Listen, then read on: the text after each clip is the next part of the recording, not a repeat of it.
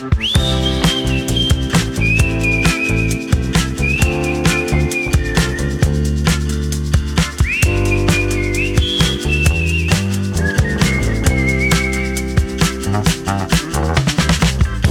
Andreu! Hola, Sílvia. Com estàs? Molt bé, atrafegat, eh, entretingut, ocupat, però bé.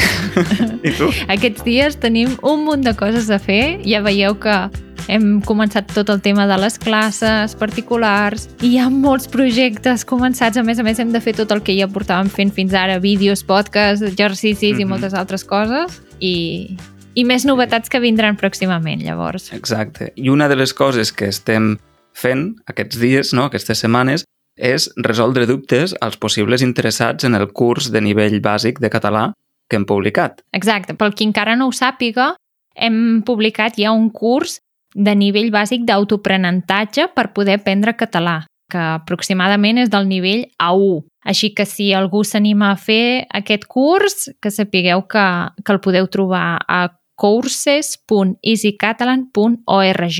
Exacte. Allà mateix, a la pàgina, hi ha tot un apartat amb preguntes freqüents. Són preguntes que ens han fet diverses persones i que resolen eh, els diferents dubtes que podeu tenir si esteu interessats a fer aquest curs. No? Per exemple, quin és l'objectiu principal d'aquest curs?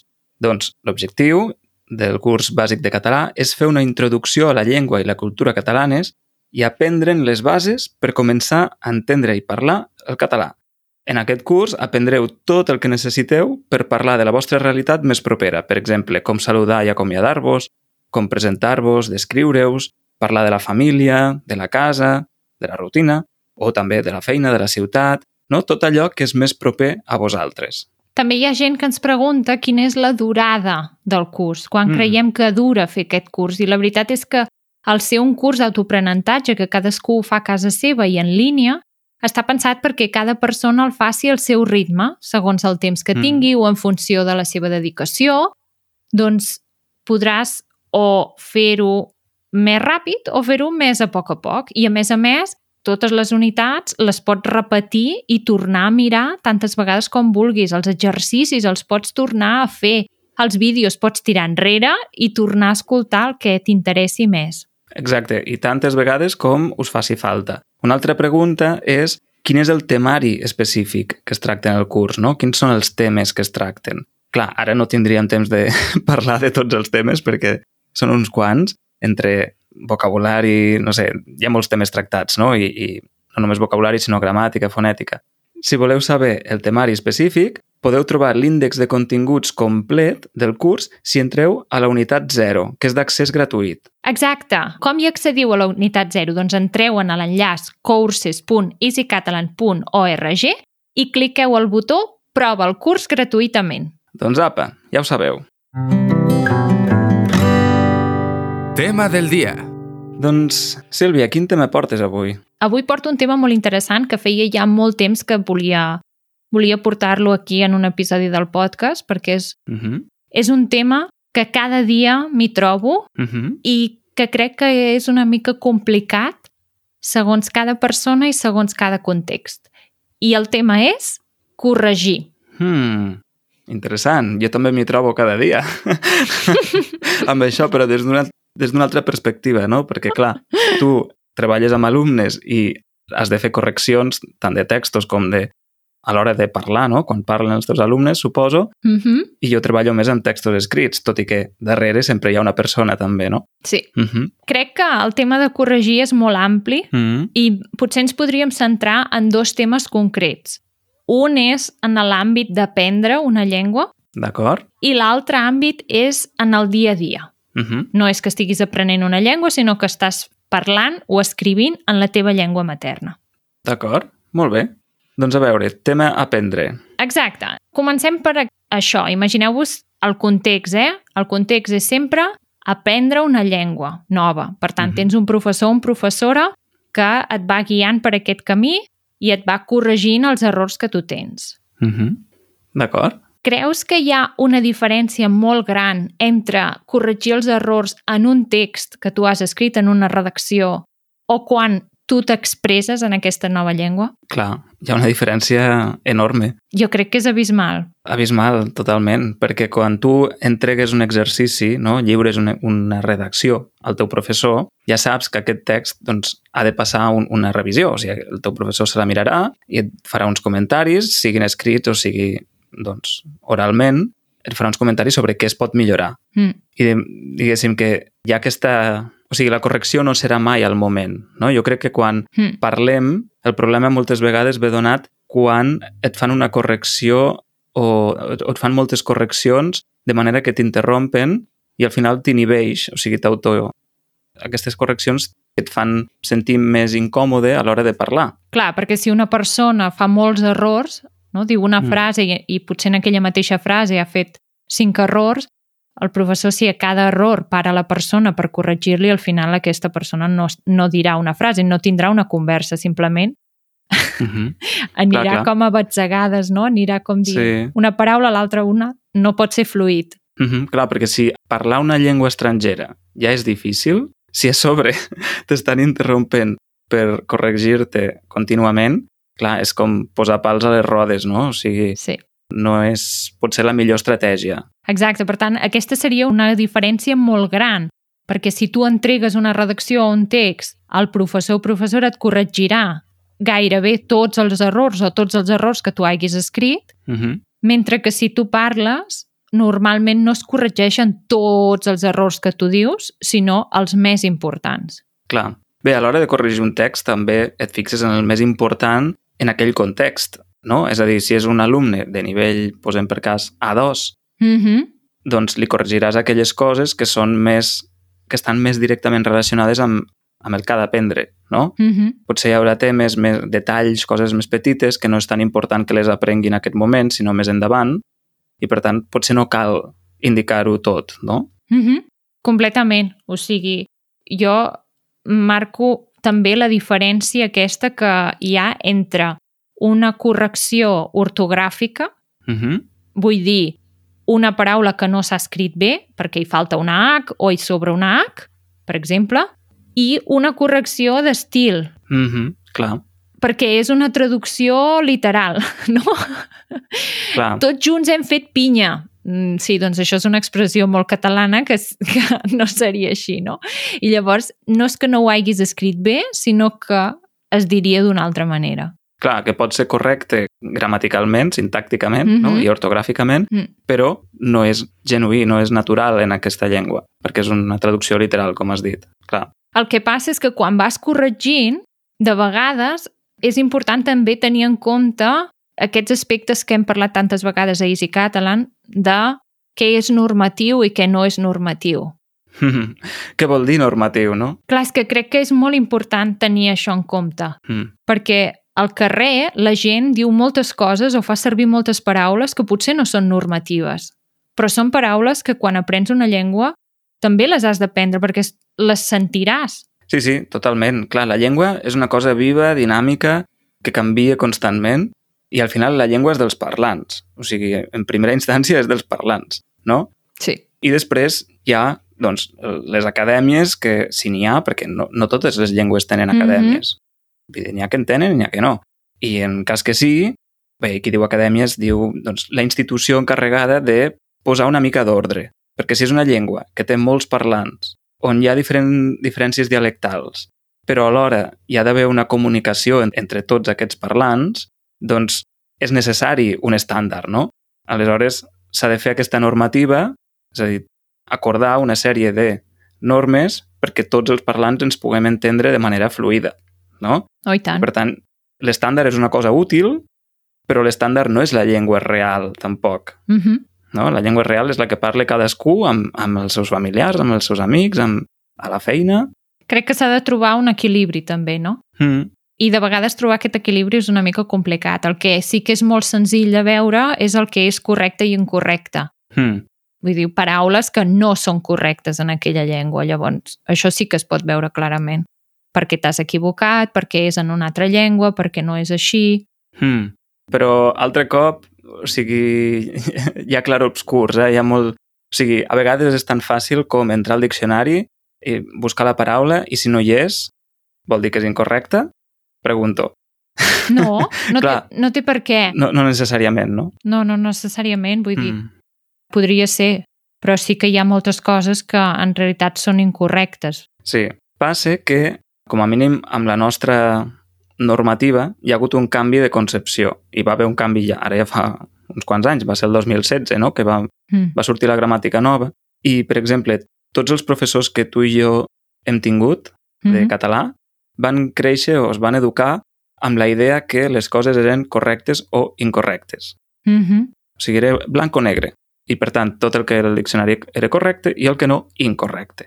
I el 2016 hi va haver aquest canvi d'enfocament i la normativa, o sigui, la normativa vull dir la gramàtica i l'ortografia i el diccionari, ja no parlen amb aquestes paraules, ja no fan servir aquestes paraules de correcte i incorrecte, sinó que han adoptat una nomenclatura molt més àmplia que recull molts més matisos, no? I per tant, en lloc de dir això, diuen doncs recomanable o no recomanable, acceptable o no acceptable, saps? Propi o impropi. O sigui, fan servir moltes paraules que també requereixen com més capacitat d'interpretació, perquè abans, si et diuen això és incorrecte, ja està, tu no has de pensar res més. Clar, però és que si, si algú diu tu anem, Clar, sí, això sí, això Clar. és obvi. em refereixo, a aquests, Sí, clar, sí. em refereixo a aquests tipus d'errors, no?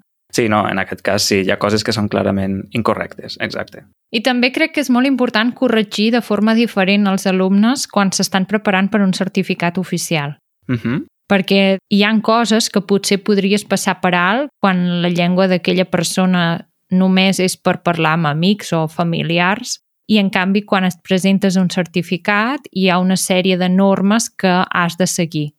Hi ha temes Clar. fonètics que han de dominar o temes gramaticals que han de fer d'aquella manera, tot i que ningú ho digui d'aquella manera, no? I crec que, que també es corregeix diferent quan una persona s'ha de- d'examinar.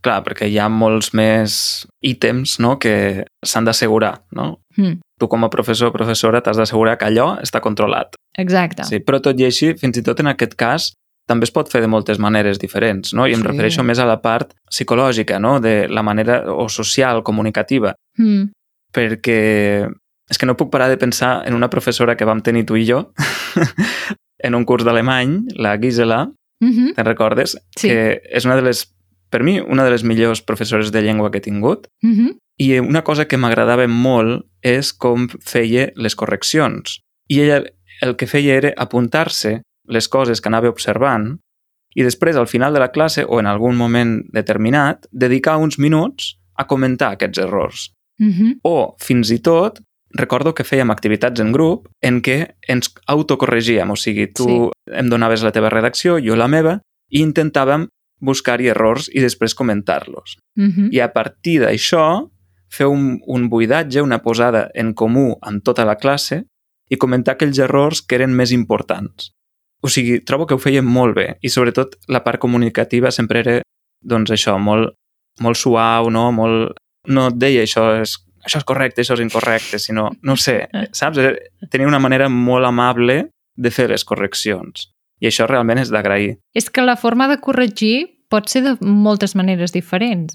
Com has dit molt bé, Mhm. tu has posat aquests exemples, però és, també podries fer una cosa que jo faig molt sovint i és que quan algú ha dit alguna frase que hi ha un error, la torno a repetir corregint aquell error però sense que se n'adoni, no? Clar, Tenim una conversa, tu has dit alguna cosa... Ah, d'acord, et refereixes a que la teva mare ara viu a Barcelona?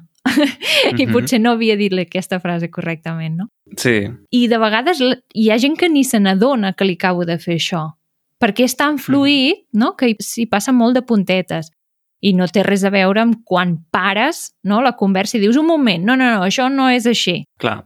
Recorda que això, aquesta estructura funciona d'aquesta manera o... Sí, sí, totalment. Fer-ho d'una manera més subtil, amable, no? que no entorpeixi la conversa Hmm, i que alhora li serveixi a aquella persona per tornar a sentir aquella paraula o estructura doncs correctament, no? sí. Crec que també és molt important fixar-se molt amb la persona que estàs corregint, perquè si la persona, l'alumne, fa 40 errors, no li pots dir 40 errors, com hem dit, no? Ni diràs dos o tres. Però i si la persona només en fa un? pot ser una mica més primmirat, no? Si només Mhm. fa un error, digue-li aquell error, fes-lo millorar encara més. sí. També passa que hi ha persones que fan molt pocs errors, però és això, no? Que fan un o dos errors de manera continuada, no? Jo crec que Mhm. en aquests casos és, és interessant fer-los notar també doncs, sempre de manera correcta, o sigui, mirant la part humana i comunicativa de la situació, però fer notar aquests tipus d'errors, perquè potser la persona no se n'ha donat mai, no li ha dit ningú. També pot ser, també pot ser. I és evident que hi ha errors que són més importants que d'altres. Mm. Hi ha errors que no, amb aquell error no pots entendre el que t'està dient aquella persona. Mm. Clar, si, si l'error fa que no comprenguis, doncs aquell error s'ha de, de solucionar. Però si són errors molt petitons, doncs potser els pots passar per alt. Mm. Clar, també és dif diferent si parlem del context d'alumne-professor, que entenc que és aquest, perquè estem, Sí, estem sí. parlant d'aprendre, o de nadiu-no nadiu, no? No, no, no, no, no, no. no.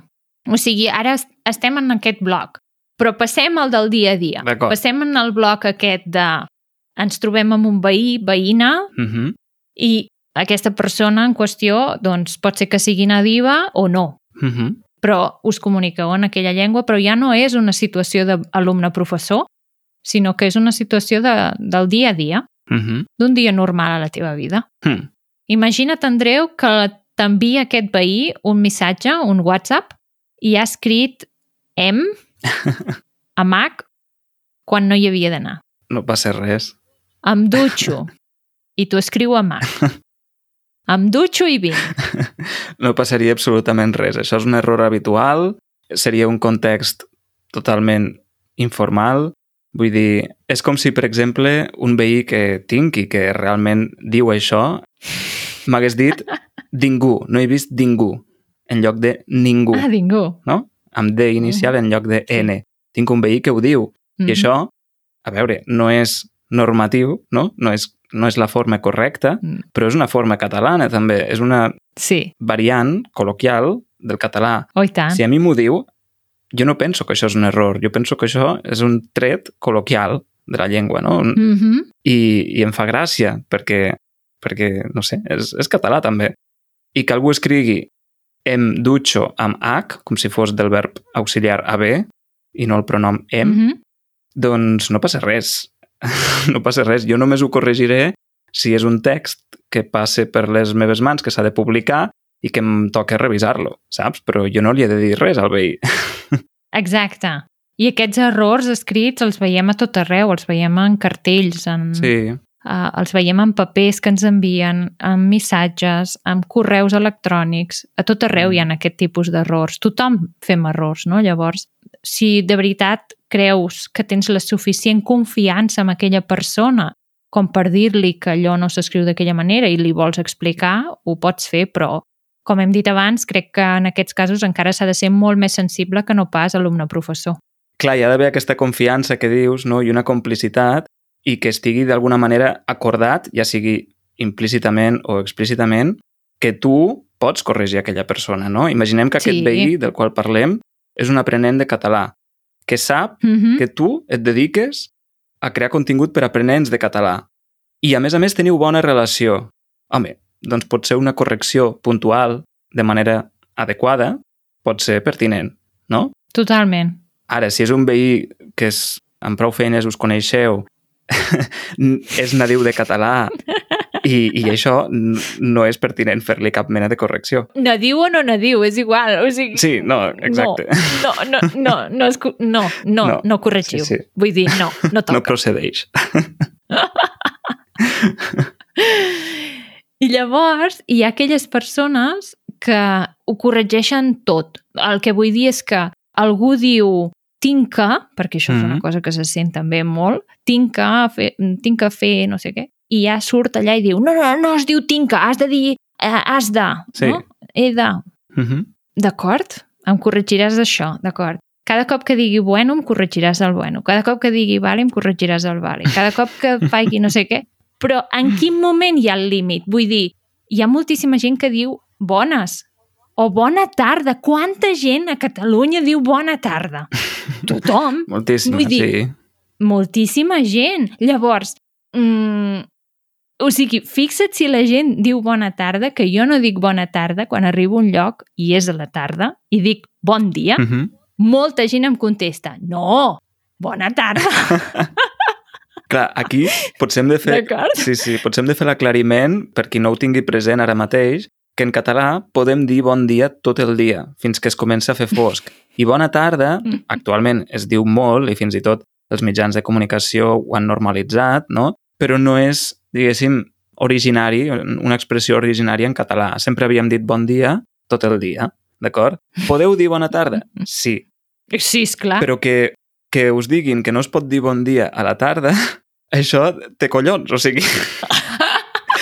perquè en català sempre s'havia dit així.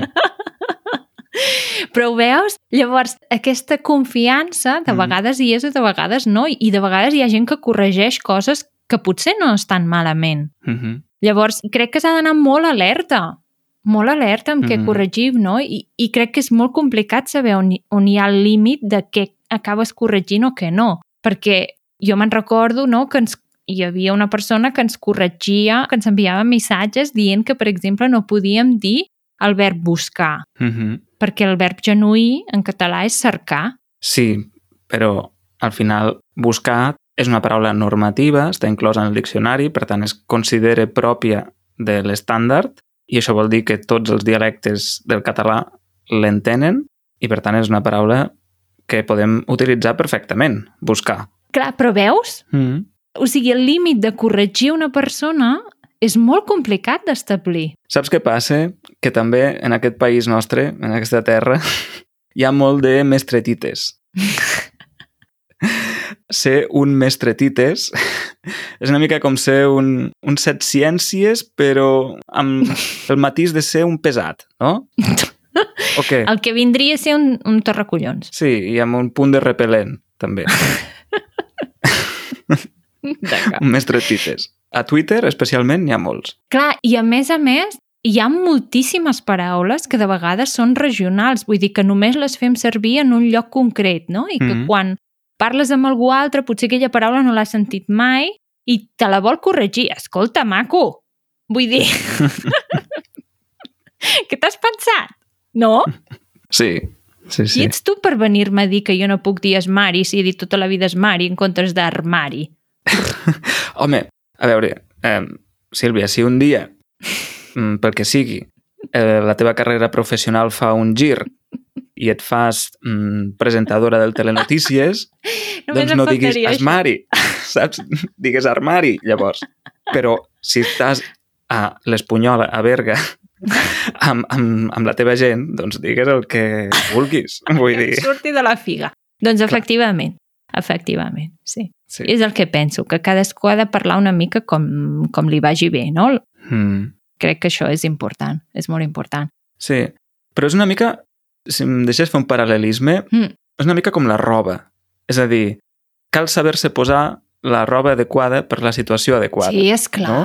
A veure, és que jo tampoc no parlo igual quan estic a davant de la càmera d'Easy Catalan i estem fent un vídeo Clar. o aquí gravant el podcast que si parlo amb un veí d'aquí del poble. Mhm. Vull dir, és que parlo diferent. Llavors, Sí, sí. sisplau, intentem canviar també de registre quan volem corregir algú. Mhm, Siguem una mica més flexibles. Exacte. I l'última cosa que et volia parlar del dia a dia Mhm. és una cosa que crec que és una reflexió que he fet durant mm, molts dies, durant molt de temps, i és que hauríem d'aprendre molt dels avis. Ui, totalment.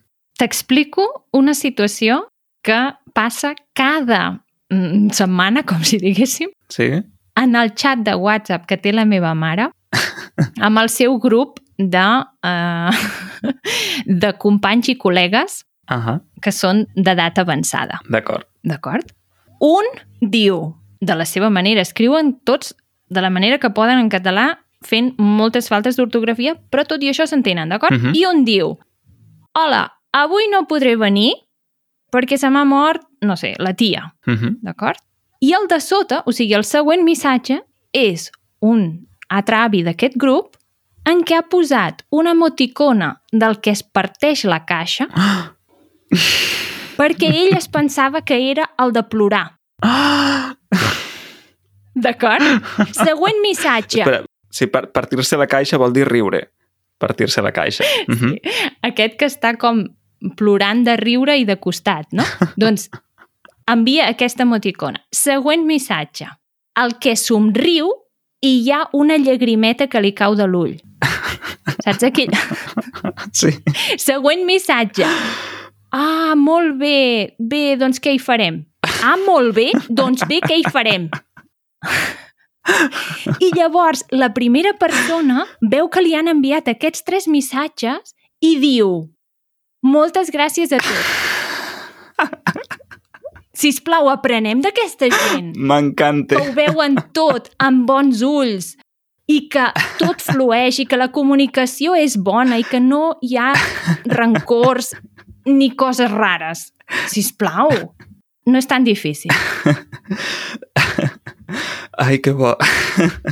doncs sí, tens tota la raó. Pensava que volies dir que n'hem d'aprendre dels, dels avis en un altre sentit, i és que els avis també són un model lingüístic molt important avui dia, i sobretot per a nosaltres i per a les noves generacions, perquè, bé, no sé, jo cada vegada que veig el meu avi, que és catalanoparlant, d'Alguaire, d'un poble, cada vegada és com un bany de, de català com molt autèntic, no? Que, Sí, que es perd. exacte, es perd perquè puc sentir, per moments. puc sentir expressions, maneres de pronunciar coses que, que ja no sento en el meu dia a dia, no? Mm. I és molt bonic. I aleshores també hem d'aprendre dels avis en aquest sentit, no? per la part lingüística, perquè ens connecten amb la llengua. Doncs així és. Mm. Aprenem-ne, sisplau. Doncs, Andreu, tu quina creus que és la conclusió final de tot aquest episodi del podcast que hem fet? La conclusió final, a veure, que corregir es pot fer de moltes maneres, que s'ha de tenir en compte el context, no? De per Sí. a què fas aquesta correcció i per a qui, i el context d'aquest qui, i també que cal tenir molta intel·ligència social, no? I que hi ha una part comunicativa sí. que no es pot obviar. Per tant, l'educació en primer lloc, Sisplau, molta educació, molt respecte sí, i tenir en compte també que tots som humans, tothom, absolutament tothom fa errors, mm -hmm. que els hem d'acceptar, acceptem que tothom en fem i intentem aprendre cada dia una mica més entre tots. exacte. L'abraçada de la Sílvia. Doncs Andreu, avui vull fer una abraçada molt gran, molt forta, a tots els haters de la llengua catalana. Qui són aquests haters de la llengua catalana? T'explico. Avui vull fer una abraçada a totes aquelles persones que es pensen que són el Pompeu Fabra de la llengua catalana o fins i tot millors que ell, d'acord? Tenen un nivell molt més alt. I ho van esbombant als quatre vents, ho van dient sempre, a tothom, a tot arreu. Aquelles persones que es creuen que ells són els que en saben més, aquells que es pensen que no s'equivoquen mai, que el que diuen va a missa, Hm. que et diuen tots, absolutament tots els errors que fas i fins i tot et diuen errors que no són errors. Jo busco bolets, no els cerco. Feu el favor de tocar el vora viu algú altre. Però això són... O sigui, jo no conec ningú així. Suposo que parles dels mestretites de Twitter o dels que deixen comentaris a YouTube, no?, per exemple. Oh, i tant, oh, i tant, oh, i tant. I a més a més són fidels seguidors d'Easy Catalan. Vull dir, saben perfectament qui són. I són aquelles persones que crec que els hi falta alguna cosa a la vida. Però en comptes d'intentar canviar-ho i millorar, s'estimen molt més cardar una altra persona i així se senten com més poderosos i importants. Així que feu-nos un favor i deixeu que la gent parli i s'expressi en la nostra llengua, perquè això sí que és el més important. Doncs molt ben dit, Sílvia. Em sumo a aquesta abraçada irònica, entenc, als haters del català. Perquè, clar, haters per això, no? Perquè el, el que transmeten no és tant amor, passió o alguna cosa, alguna energia positiva, sinó tot el contrari, no? Per tant, sí, tota la raó. Totalment. Molt bé, doncs avui potser que ho deixem aquí i ens, Vinga. ens n'anem a fer el bonus. Fantàstic. En el bonus comentarem un error molt habitual i moltes gràcies doncs, a tots els oients, a totes les persones que ens han escoltat, també als membres de la comunitat i especialment aquells que participen a les xerrades que fem cada setmana. Sapigueu que en aquestes xerrades, de tant en tant, i si ho voleu, també es poden fer correccions. En el meu cas, puc parlar només del meu cas, dediquem a vegades alguns minuts a comentar alguna qüestió lingüística que, que hem pogut detectar durant la xerrada, però en qualsevol cas la conversa és lliure d'interrupcions. Aleshores, si voleu fer-vos membres de la comunitat per participar en aquestes xerrades i gaudir de la resta d'avantatges, recordeu que l'enllaç és easycatalan.org barra membership. Així que dit això, i agraint també el suport a la Generalitat de Catalunya i al Departament d'Empresa i Treball, ens acomiadem. Vinga, que vagi molt bé. Que vagi molt bé. Adeu. Adeu, adeu. you